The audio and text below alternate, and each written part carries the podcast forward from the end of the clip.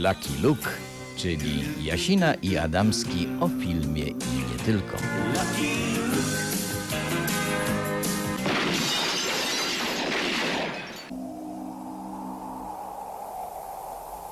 miłośników radia, proszę Państwa, żyjących, od Ryk do Braniewa, witamy bardzo serdecznie. Łukasz Jasina w Warszawie.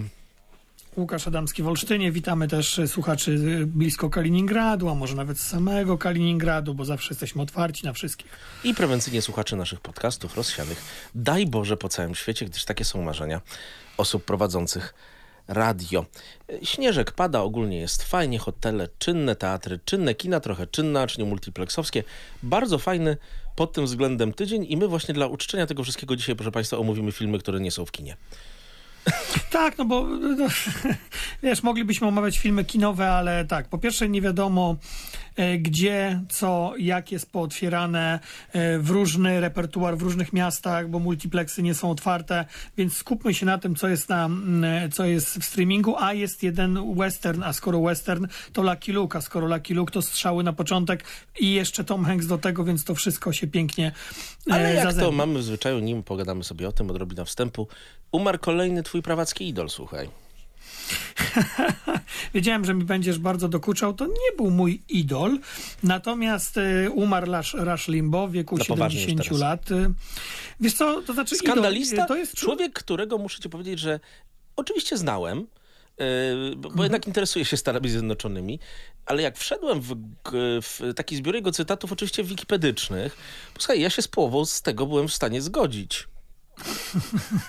Wiesz, o co mi chodzi. Tak, tak. Rush Limbaugh e, zmarł w, roku, w wieku 70 lat, e, e, w wieku 70 lat, rak płuc, odznaczony Czyli w paliliśmy, styczniu... paliliśmy. Tak, w styczniu 2020 roku odznaczony, e, znaczy, przepraszam, wtedy się dowiedział o nowotworze płuc, więc no rok ponad walczył. E, on został odznaczony później, też w styczniu właśnie medalem, medalem wolności, wolności mhm. czyli najwyższym odznaczeniem w Stanach Zjednoczonych. Rush Bo zmienił media amerykańskie. On w 1988 roku zaczął prowadzić The Rush Limbaugh Show w radiu i dlatego też omawiamy tą postać, bo to jest bardzo ważna postać mhm. dla rozwoju dzisiejszego radia.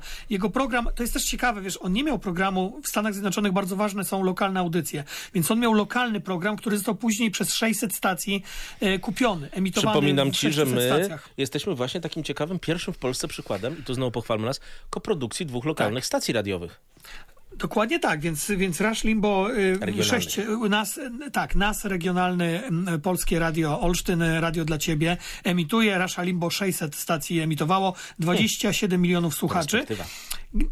Myślę, że nie byłoby prezydentury Donalda Trumpa, gdyby nie Rush Limbo, który jako pierwszy postawił na Trumpa, który lans promował Trumpa, który zapraszał Trumpa, który był bardzo pro-Trumpowy do samego końca. Trump jeszcze w kampanii wyborczej, tej przegranej teraz, mhm. E, dwie godziny e, e, u niego, u niego wystąpił, jak się ubiegał o reelekcję, bo Limbo do końca prowadził ten swój program. Co jest też ciekawe, Limbo w ostatnich już tygodniach no, mówił na antenie, że, że żyje żyje wciąż, mimo tego, że lekarze mówili mu, że umrze e, w październiku, w listopadzie, w grudniu, a on żyje. No niestety w lutym, w lutym jego życie się skończyło. Wiesz, Rush Limbo i Howard Stern to było dwóch gości, którzy zmienili radio w latach 80. Howard Stern, skandalista ze strony liberalno-lewicowej, Rush Limbo ze strony prawicowej, konserwatywnej. Dużo teorii spiskowych lansował, e, którym ja się nie zgadzam. Bardzo taki populizm też u niego wypływał. Ale zauważ jedną rzecz ciekawą. Rush Rush Limbo do końca pozostał Rushem Limbo. Rush Limbo do końca pozostał sobą, do końca pozostał skandalistą konserwatywnym. Howard i, i mówił rzeczy istotne. Howard Stern robił e, skandale dla samych skandali. I wiesz, jak ja ostatnio w Stanach Zjednoczonych, kiedy byłem, kupiłem sobie książkę Howarda Sterna pod tytułem Howard Stern Comes Again. Mm, bardzo dobra książka, muszę ci ją pożyczyć. Tam są fantastyczne wywiady z Donaldem Trumpem przez lata, jak to Donald Trump o seksie opowiada, o Melanii, to straszne rzeczy. Współczujemy Melanii, którą bardzo gość. cenimy, podziwiamy i uwielbiamy bo to był ulubiony gość Howarda Sterna. Howard Stern zawsze mówił o, o Trumpie, że Trump jest idealnym gościem, bo powie absolutnie e, wszystko, o czego tak od niego się oczekuje dla Schabowska, ale to, to inna sytuacja. e, wiesz co, i tu się z tobą zgadzam. Wiesz co, mówiłeś o, o różnych ludziach, którzy różnie to kształtują. W czwartek umarł ktoś zupełnie inny. Umarł, i, i widzisz, my tutaj porównamy, niech państwo zobaczą, z jakich my różnych miejsc się wywodzimy. Łukasza kształtował Rasz Limbo, ale mnie ukształtował Wiesław Juszczak, wielki polski historyk sztuki, e, bo ja robię za tą subtelną, intelektualną część naszego duetu, choć jak państwo się domyślacie, to nie jest tak prosty podział między, między nas dwóch. E, Łukasz też bywa subtelny dość często, a profesor Juszczak był tym kimś, kto mnie uratował, w tym sensie, tak jak Rush Limbo uratował Trumpa, tak mnie uratował Wiesław Juszczak, który mi uświadomił w pewnym momencie, że mogę dalej pisać o filmie, mówić o filmie, że ten sposób myślenia o filmie, który jest zupełnie inny niż wielu polskich filmoznawców. Ja jestem jednak głównie historykiem, jest wartościowy i, i namówił mnie, żebym napisał swój doktorat o Davidzie Linie, czyli o Brytolach i tak stałem się Brytofanem. Profesor Juszczak był jednym chyba z najwybitniejszych historyków sztuki w tym kraju, jakich Ziemia nosiła.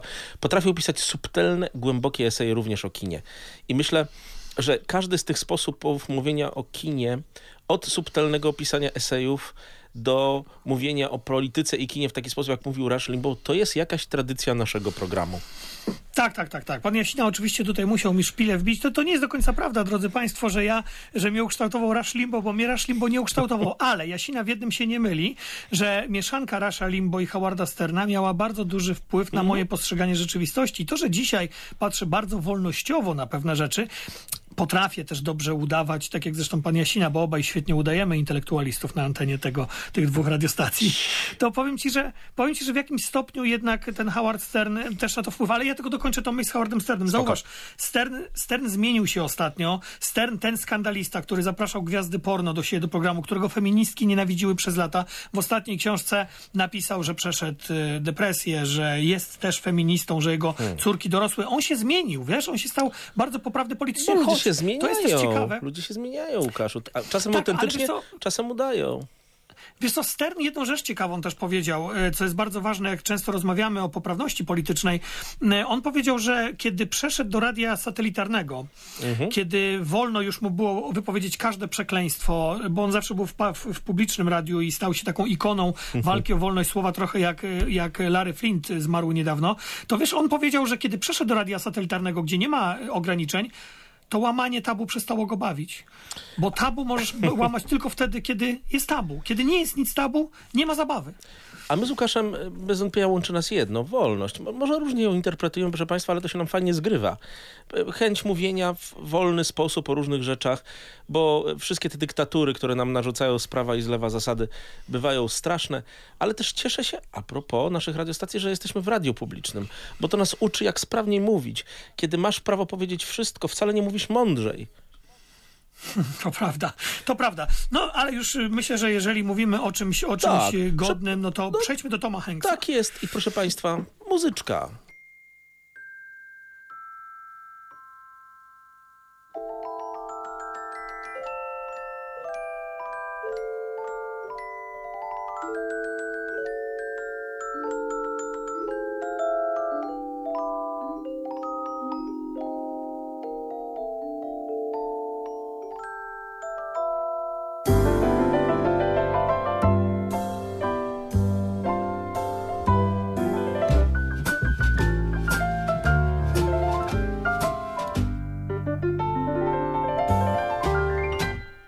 A beautiful day in this neighborhood, a beautiful day for a neighbor.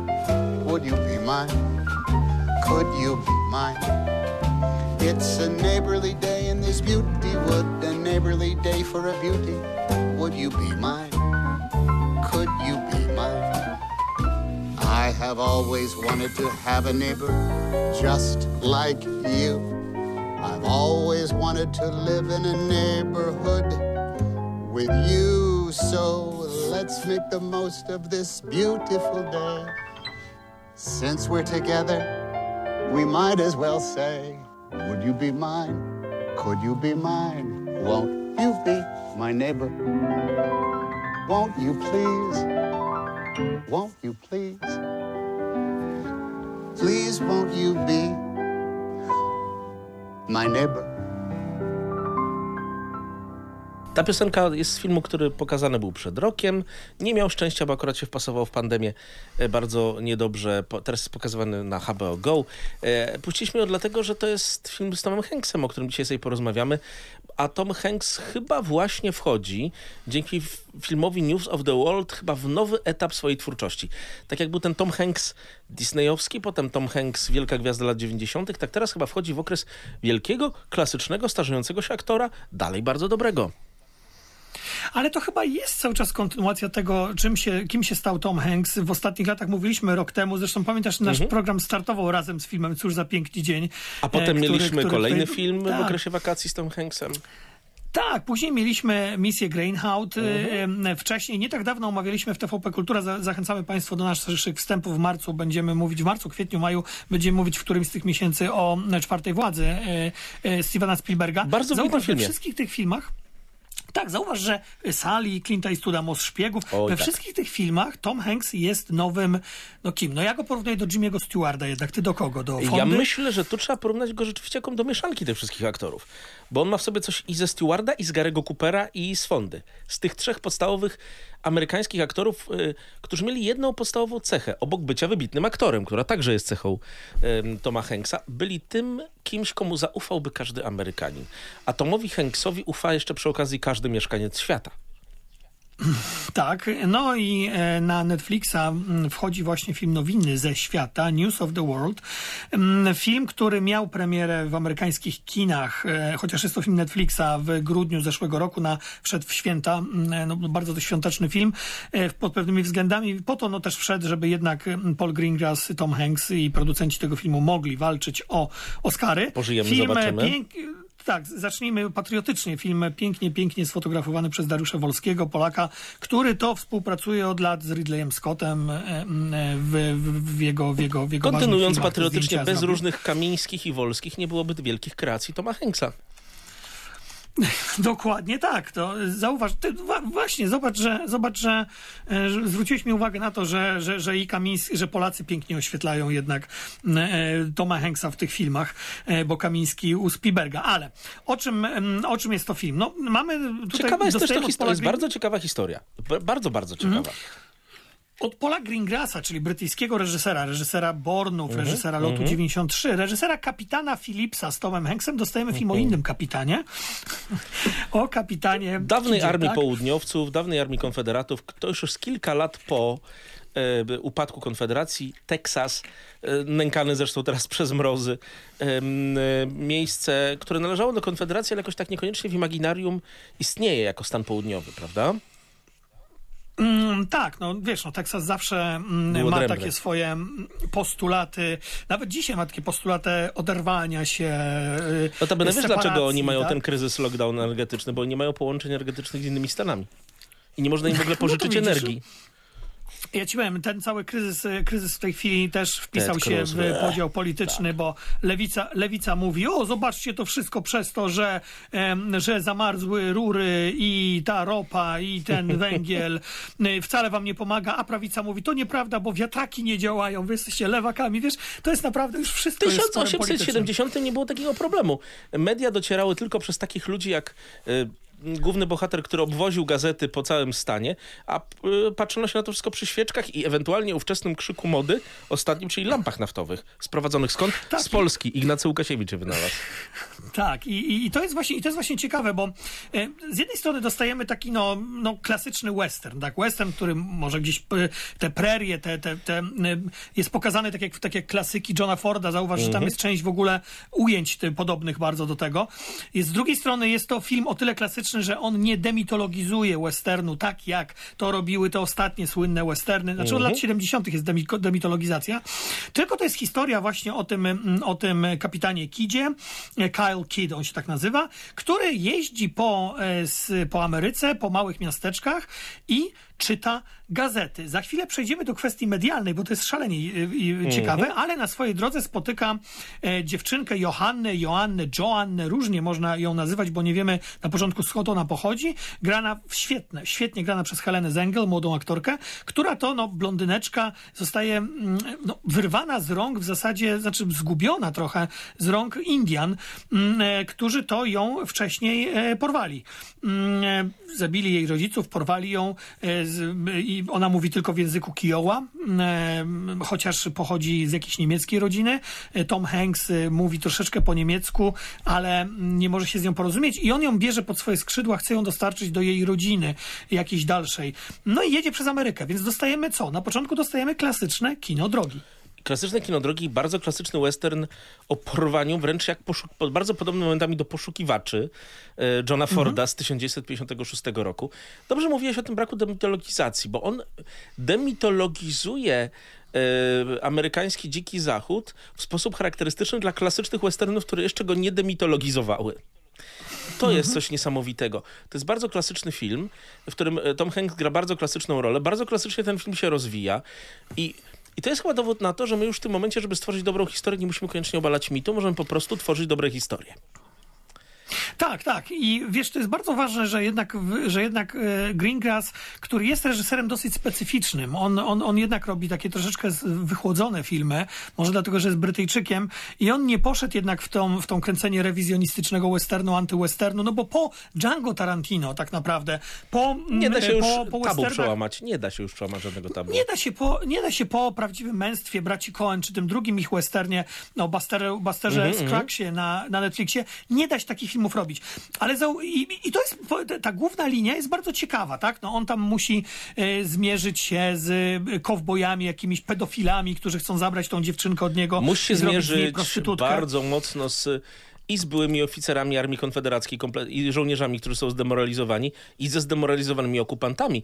My zapominamy, że Teksas w roku osi- 1870 jest okupowany przez wojska północy, nie ma praw stanu i nienawidzi się tam Waszyngtonu. Tam jest taka scena, kiedy pada przez przypadek, e, nie przez przypadek, imię prezydenta ówczesnego, czyli Ulyssesa Granta, który był dowódcą wojsk północy. Cała sala mm, się burzy. Tak trochę mi się wtedy przypomniało, że Ameryka chyba teraz jest na takim etapie, że jak niektórzy słyszą Biden, a inni Trump, to, to tak się zachowują. A może zawsze tak było, tylko, tylko, e, tylko media, i teraz przejdziemy właśnie do mediów, tylko media nie były takie, jakie są dzisiaj i e, szczególnie społecznościowe i nam nie uwypuklały najgorszych emocji. Co jest bardzo w tym filmie też interesujące, oto ten Kid, kapitan Kid, e, jeździ po tych miasteczkach i czyta gazety. I teraz on przyjeżdża do mm, różnych miast, roz, otwiera gazetę, tam dużo analfabetów, tak, ludzi niepiśmiennych, ludzi, którzy nie mają dostępu do prasy, więc nie wiedzą, co czytać. I on czyta te wiadomości, które pasują do danej społeczności, tak? Czyli robi pewną selekcję jak algorytmy dzisiejsze. Robi bańkę, tak. A robi bańkę, do tego jest showmanem jak Rush Limbo między innymi. Po prostu czyta, wiesz, no, gestykuluje wiesz, rękoma. patrzysz się na Zobacz, to i orientujesz się skąd się brali amerykańskie, brały się amerykańskie gwiazdy mediów. Bo nieważne, czy to jest Rush Limbaugh, czy to jest ktoś bardzo z lewa, prawda? To jest amerykański sposób przekazywania ludziom informacji, który bierze się po prostu z protestanckich kaznodziejów. Tak, tak, ale wiesz, jak tak sobie oglądałem, oglądałem ten film, te sceny fantastyczne, kiedy Tom Hanks właśnie e, wczuwa się w tego, e, w tego, w tego czytacza mediów, e, czytacza gazet, tak sobie pomyślałem, kurczę, jeżeli ktoś mówi, że media powinny wrócić do swoich źródeł, no jeżeli to są źródła amerykańskich mediów, no to one są u swoich źródłach dziś, e, u swoich źródeł dzisiaj, tak można przewrotnie powiedzieć, bo Tom Hanks też, drodzy Państwo, on gra człowieka, który był wydawcą gazet, e, później poszedł e, walczyć na wojnę, tam jest jeszcze wątek poszukiwania przez niego, właściwie próby powrotu do swojej żony, przez pięć lat jej nie widział, no bo walczył na kolejnych frontach, Mm, ale on był kimś, kto wydawał gazety, poważne gazety, a później się wziął za kogoś, kto interpretuje newsy, interpretuje informacje. No trochę taką, takie media społecznościowe budował w tym XIX wieku, 1870, bo wtedy dokładnie dzieje się akcja tego filmu. Tak i mówiąc wprost, mamy tutaj wiele fajnych rzeczy jeszcze poza tym. Wiesz, rozmawiamy teraz dużo o filmach historycznych, nagle sobie uświadomiłem, że ten film jest też pod względem rekonstrukcji warunków, jakie panowały w Teksasie, też bardzo dobrym filmem historycznym. To byłoby straszne, gdyby tam zdecydowano się łamać jakieś polityczne poprawności i wsadzać czarnych na miejsce białych, białych na miejsce czarnych. To jest film, który nawet Indian pokazuje negatywnie. Oni nie są jest- znowu tymi cudownymi prostaczkami, jak to Kevin Costner próbował zbudować mit na początku lat 90., bo Ameryka musiała jakoś zapłacić Indianom odszkodowanie symboliczne za to, jak ich pokazywała wcześniej, ale tu Indianie znowu bardzo mocno przypominają te dzikie istoty pojawiające się w filmach e, właśnie Johna Forda. Tak, i zauważ, to też nie jest e, to, co, co, robi, e, co robi między innymi, e, zawsze się kłócimy o tego człowieka, Terence Malik. Omawialiśmy, omawialiśmy też w TVP Kultura Podróż do Nowej Ziemi. Zobacz, on też pokazał Indian jako tych, którzy są bliżej natury, a więc bliżej Boga, no bo on, on je zawsze Oczywiście, że byli bliżej przyrody. natury wtedy, gdyż byli społeczeństwem mniej cywilizowanym, niszczonym przez społeczeństwo bardziej cywilizowane przy użyciu narzędzi takich jak broń, ale bycie bliżej natury to też jest pewien mit, tak jak stworzono mit y, łagodnych zwierząt y, niszczonych przez ludzi. Zwierzęta też są krwiożercze. I tutaj Indianie też krwiożerczy są i są y, tymi, którzy nie przestrzegają pewnych zasad. Ofiarą także ich padła Joanna, której przecież rodzinę wymordowano.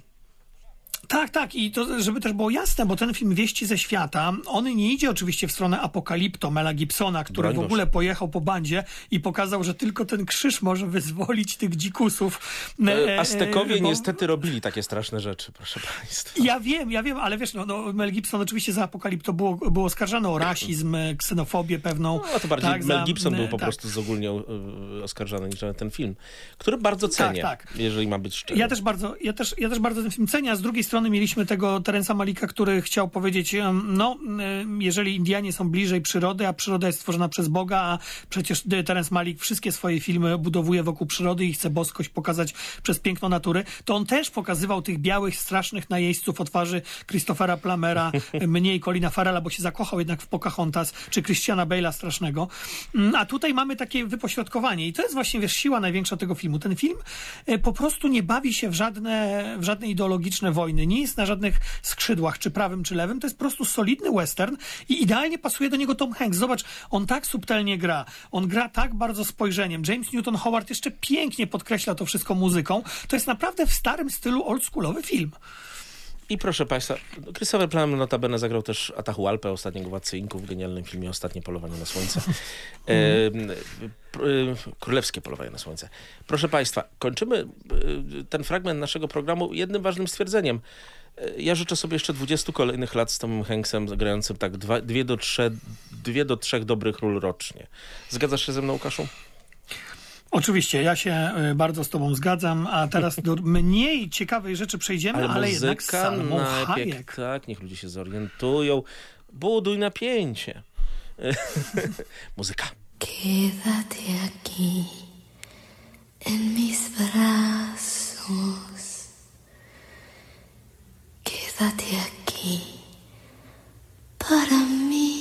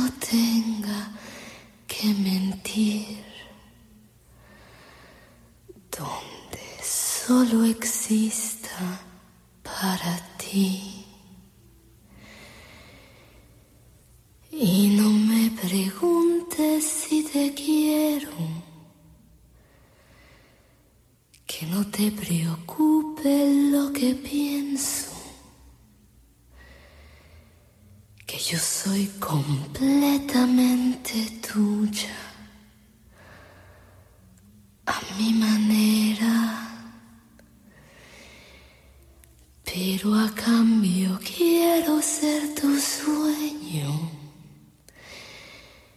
Yo no me conformo con tus besos.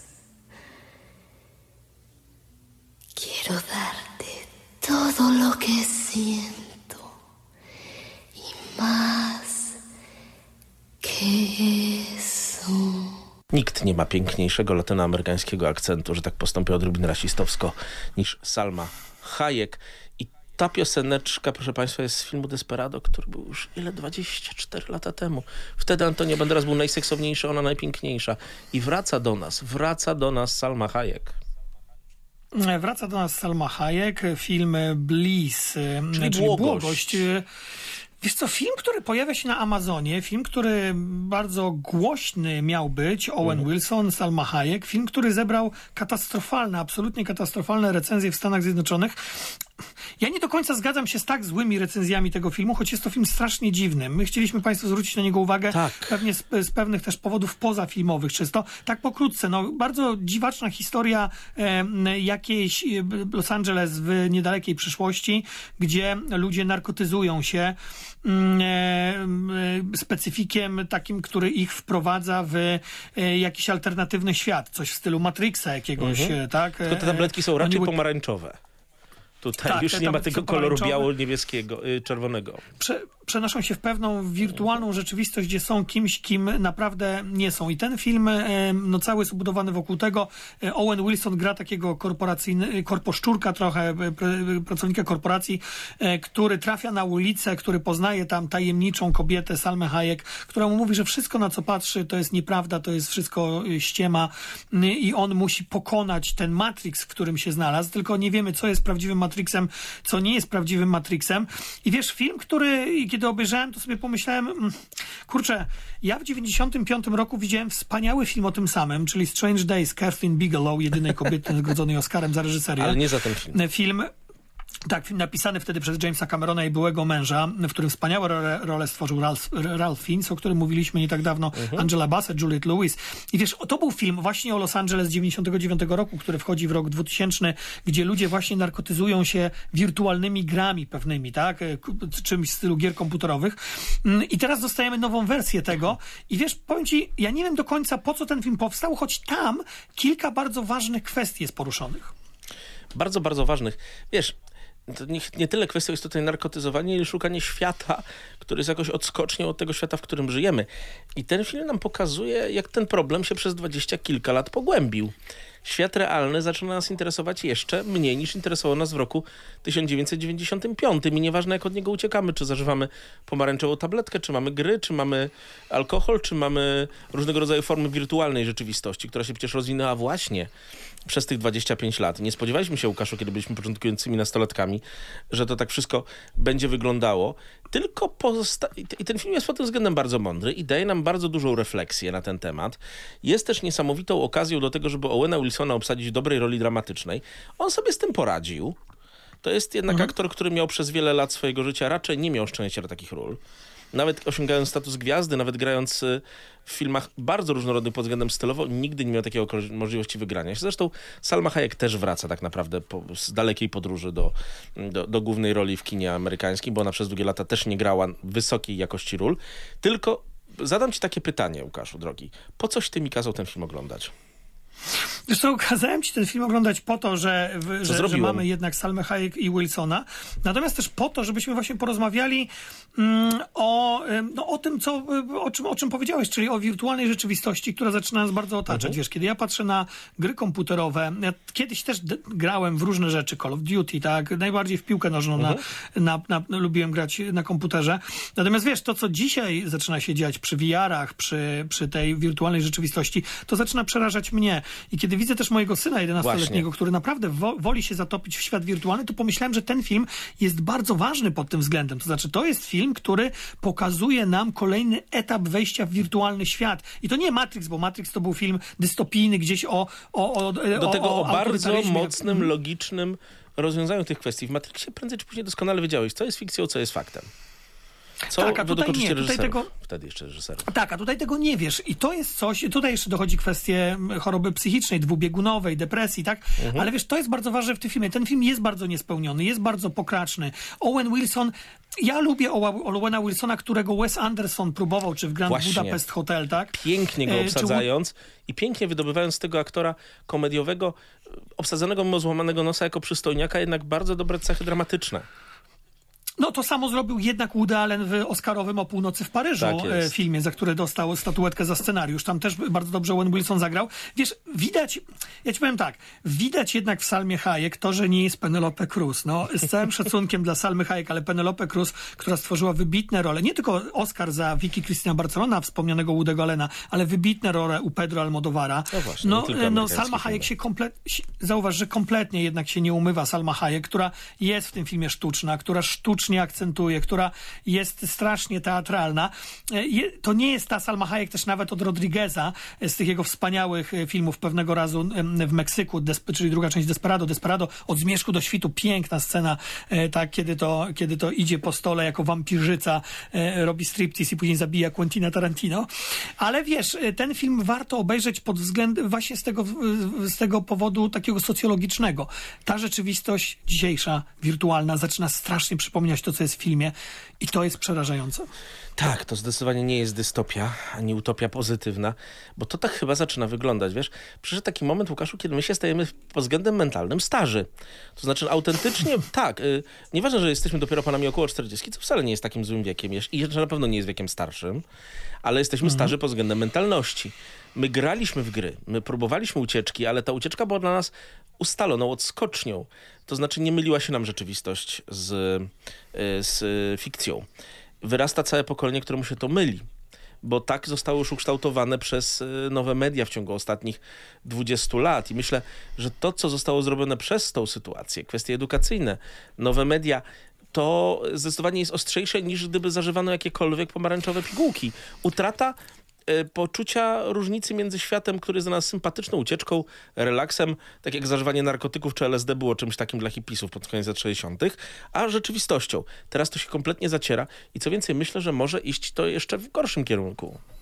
Tak, ale zauważ też, że ten Bliss, e, że ten film, on mm, jest w pewien sposób powierzchowny. To znaczy, to jest film, który oczywiście em, pokazuje ten świat wirtualny, e, który zaczyna nami władać, ale on na przykład, on, ja dlatego mówiłem o tym Strange Days, on nie idzie w tą stronę e, jak film Bigelow i Jamesa Camerona, który gdzieś wchodził w kwestię wojeryzmu jednak. Czym jest e, wojeryzm, e, podglądactwo w naturze ludzkiej w ogóle, że my kochamy podglądać, e, kochamy się, e, kochamy wchodzić w inną rzeczywistość, bo taka jest nasza natura. Ten film Bliss w ogóle nie dotyka tych kwestii, wchodzi czysto po prostu w sprawy pewne techniczne mm, e, I tego, przez jak to jest ostrzejszy, tak. przez, to jest, przez to jest Łukaszu okrutniejszy, bardziej męczący i, i wali bardziej po nerach, jak to się mówi, tak z ubeckim backgroundem w naszym Mhm. sympatycznym kraju.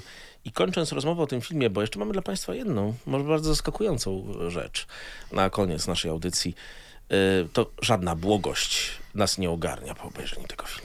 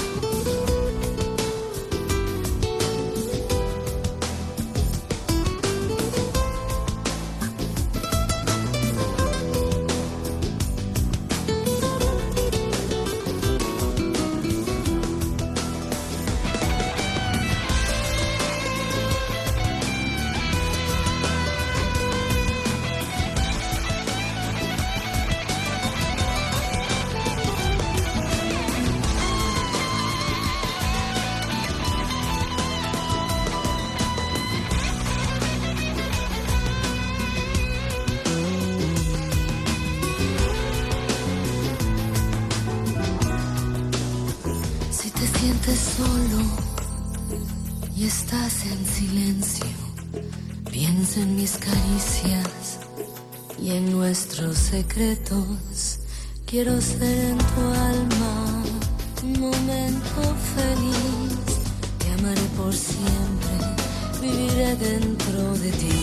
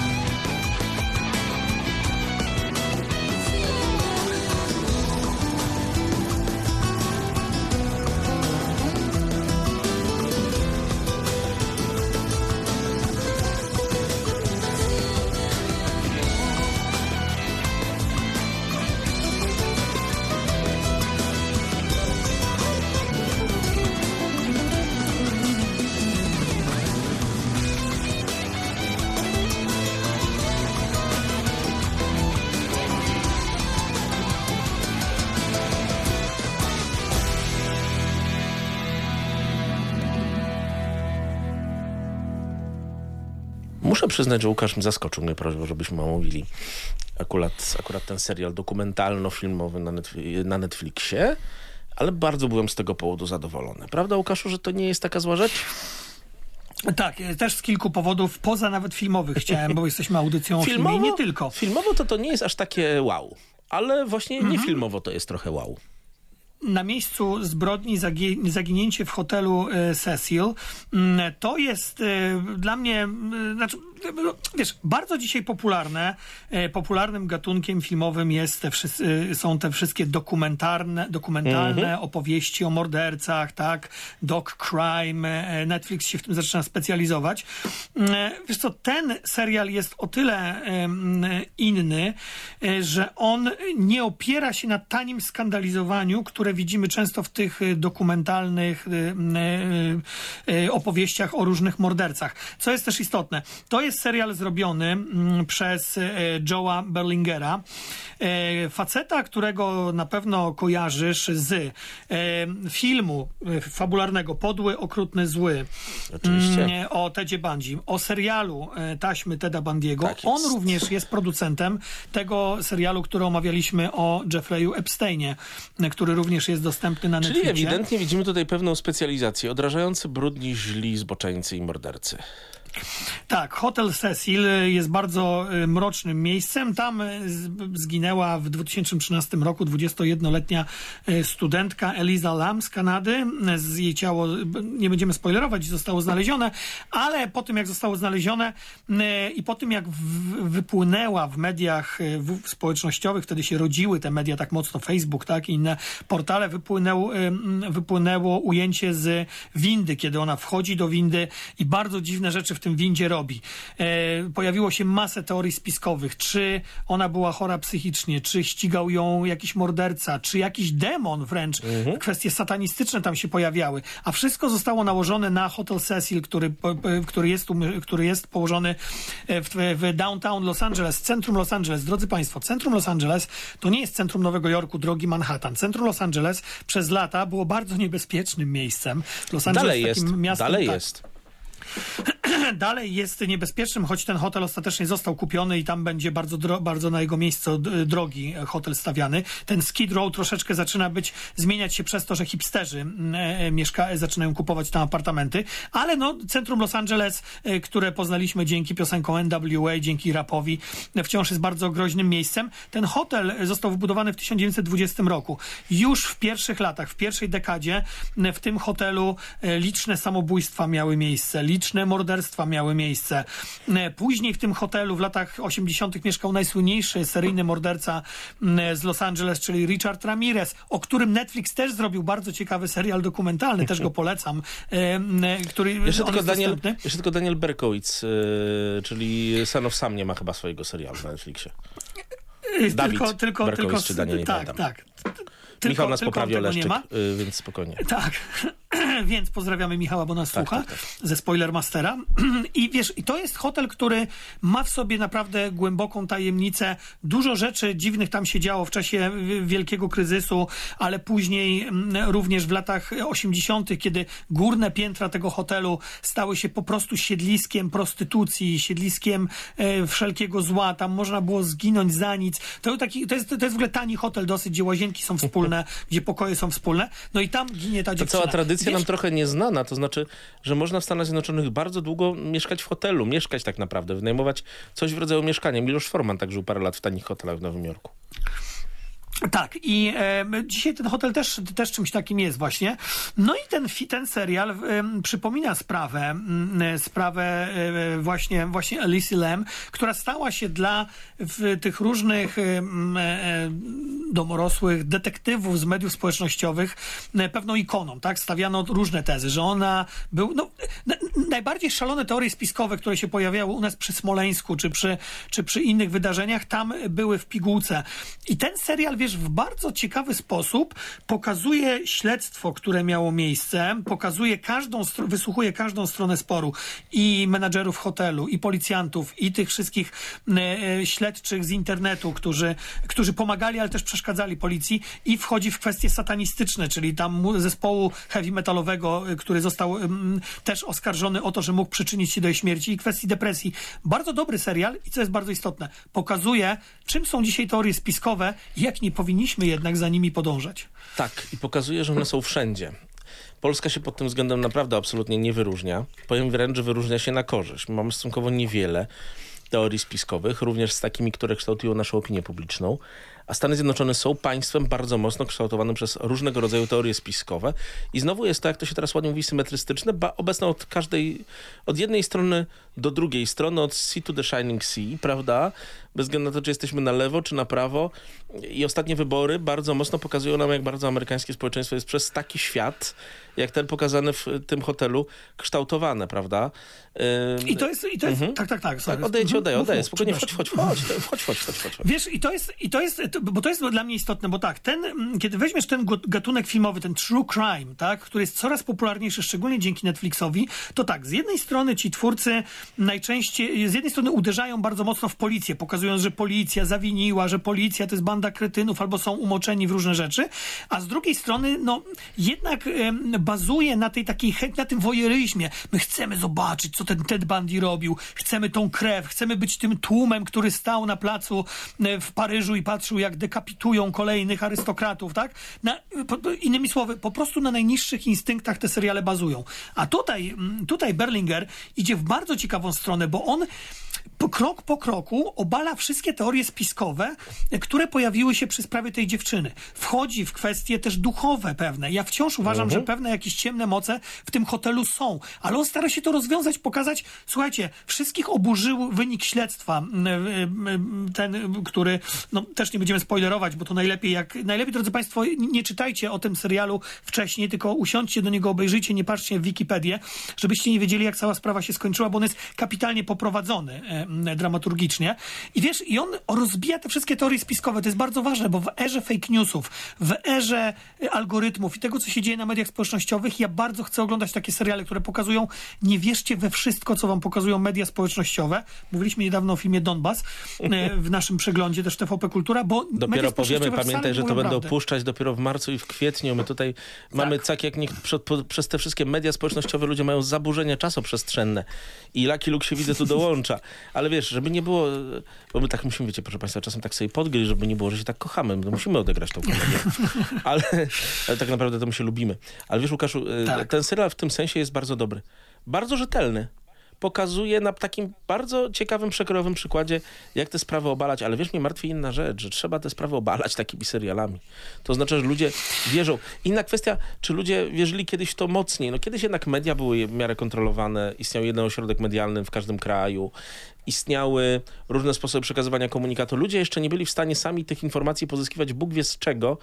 I widzimy generalnie jednak, że człowiek ma naturalną skłonność do takiego sposobu myślenia, takiego sposobu rozliczania rzeczywistości, co też jest taką bardzo przykrą konstatacją po obejrzeniu tego serialu. No, pff, tak, tak, masz rację. Dlatego, dlatego właśnie dobrze, że wiesz, bo ja z jednej strony jestem, no wiesz, ja jestem osobą wierzącą, tak, więc, więc ja, ja, ja wierzę w osobowe zło. Ja wierzę w to, że osobowe zło działa na ziemi, nie tylko symboliczne zło, tylko że zło ma swój wymiar po prostu e, w innej rzeczywistości, ale jest konkretne. I widać, że ten hotel miał w sobie coś złego, że w miejscu, zresztą wypowiadają się psychologowie tutaj, nie tylko teolo- tutaj nie ma teologów e, żadnych w tym, w tym serialu, którzy mówią o tym, że w miejscu, gdzie tyle zbrodni jest popełnianych, w miejscu, gdzie tyle zła się dzieje, to musi jakoś w tych murach zostać. I, i, i ja myślę, że ta dziewczyna, ta Liza Lem, która tam trafiła z problemami psychicznymi, z problemami emocjonalnymi, że ona trafiła na pewno zło, które ją pochłonęło. Ten hotel ją pochłonął. Nie tak jak Ech, oczywiście Overlook u, u tak. Stephena Kinga. Kto wie, mhm. kto wie, to jest bardzo możliwe. Chociaż ja mieszkam w Warszawie, gdzie zdarzyło się tyle zła, że właściwie powinno być bardzo źle. Przecież tutaj wszędzie kogoś mordowali. Proszę Państwa, i to by było właściwie na tyle dziś. Adamski i Jasina... To tylko jeszcze, to, tylko jeszcze powiedzmy, na miejscu Dobra, zbrodni... Powiedz, nie, powiedz. Na, miejscu zbrodni zagi, na miejscu zbrodni zaginięcie w hotelu Cecil, dostępny na Netflixie. Tak, na Netflixie dostępny film z Tomem Hanksem, żeby Państwo nie zapomnieli o czym mówiliśmy, czyli News of the World i Bliss, dostępny na Amazonie, bo chyba tego nie powiedzieliśmy w nie. serwisie streamingowym mniej popularnym, ale ostatnio widziałem, że coraz popularniejszym w Polsce. Tak czy siak daliśmy zarobić obu Amerykanom.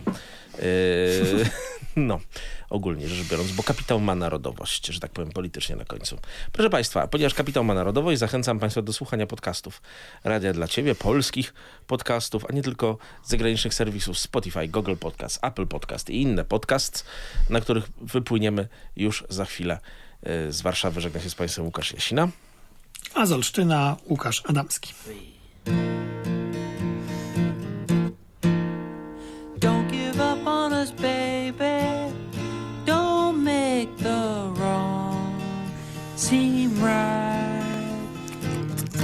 Written in the moonlight, painted on the stars. We can't change ours. Don't give up on us, baby. Lord knows we've come this far.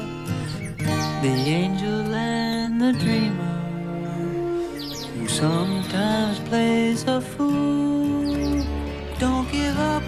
I know we can still come through.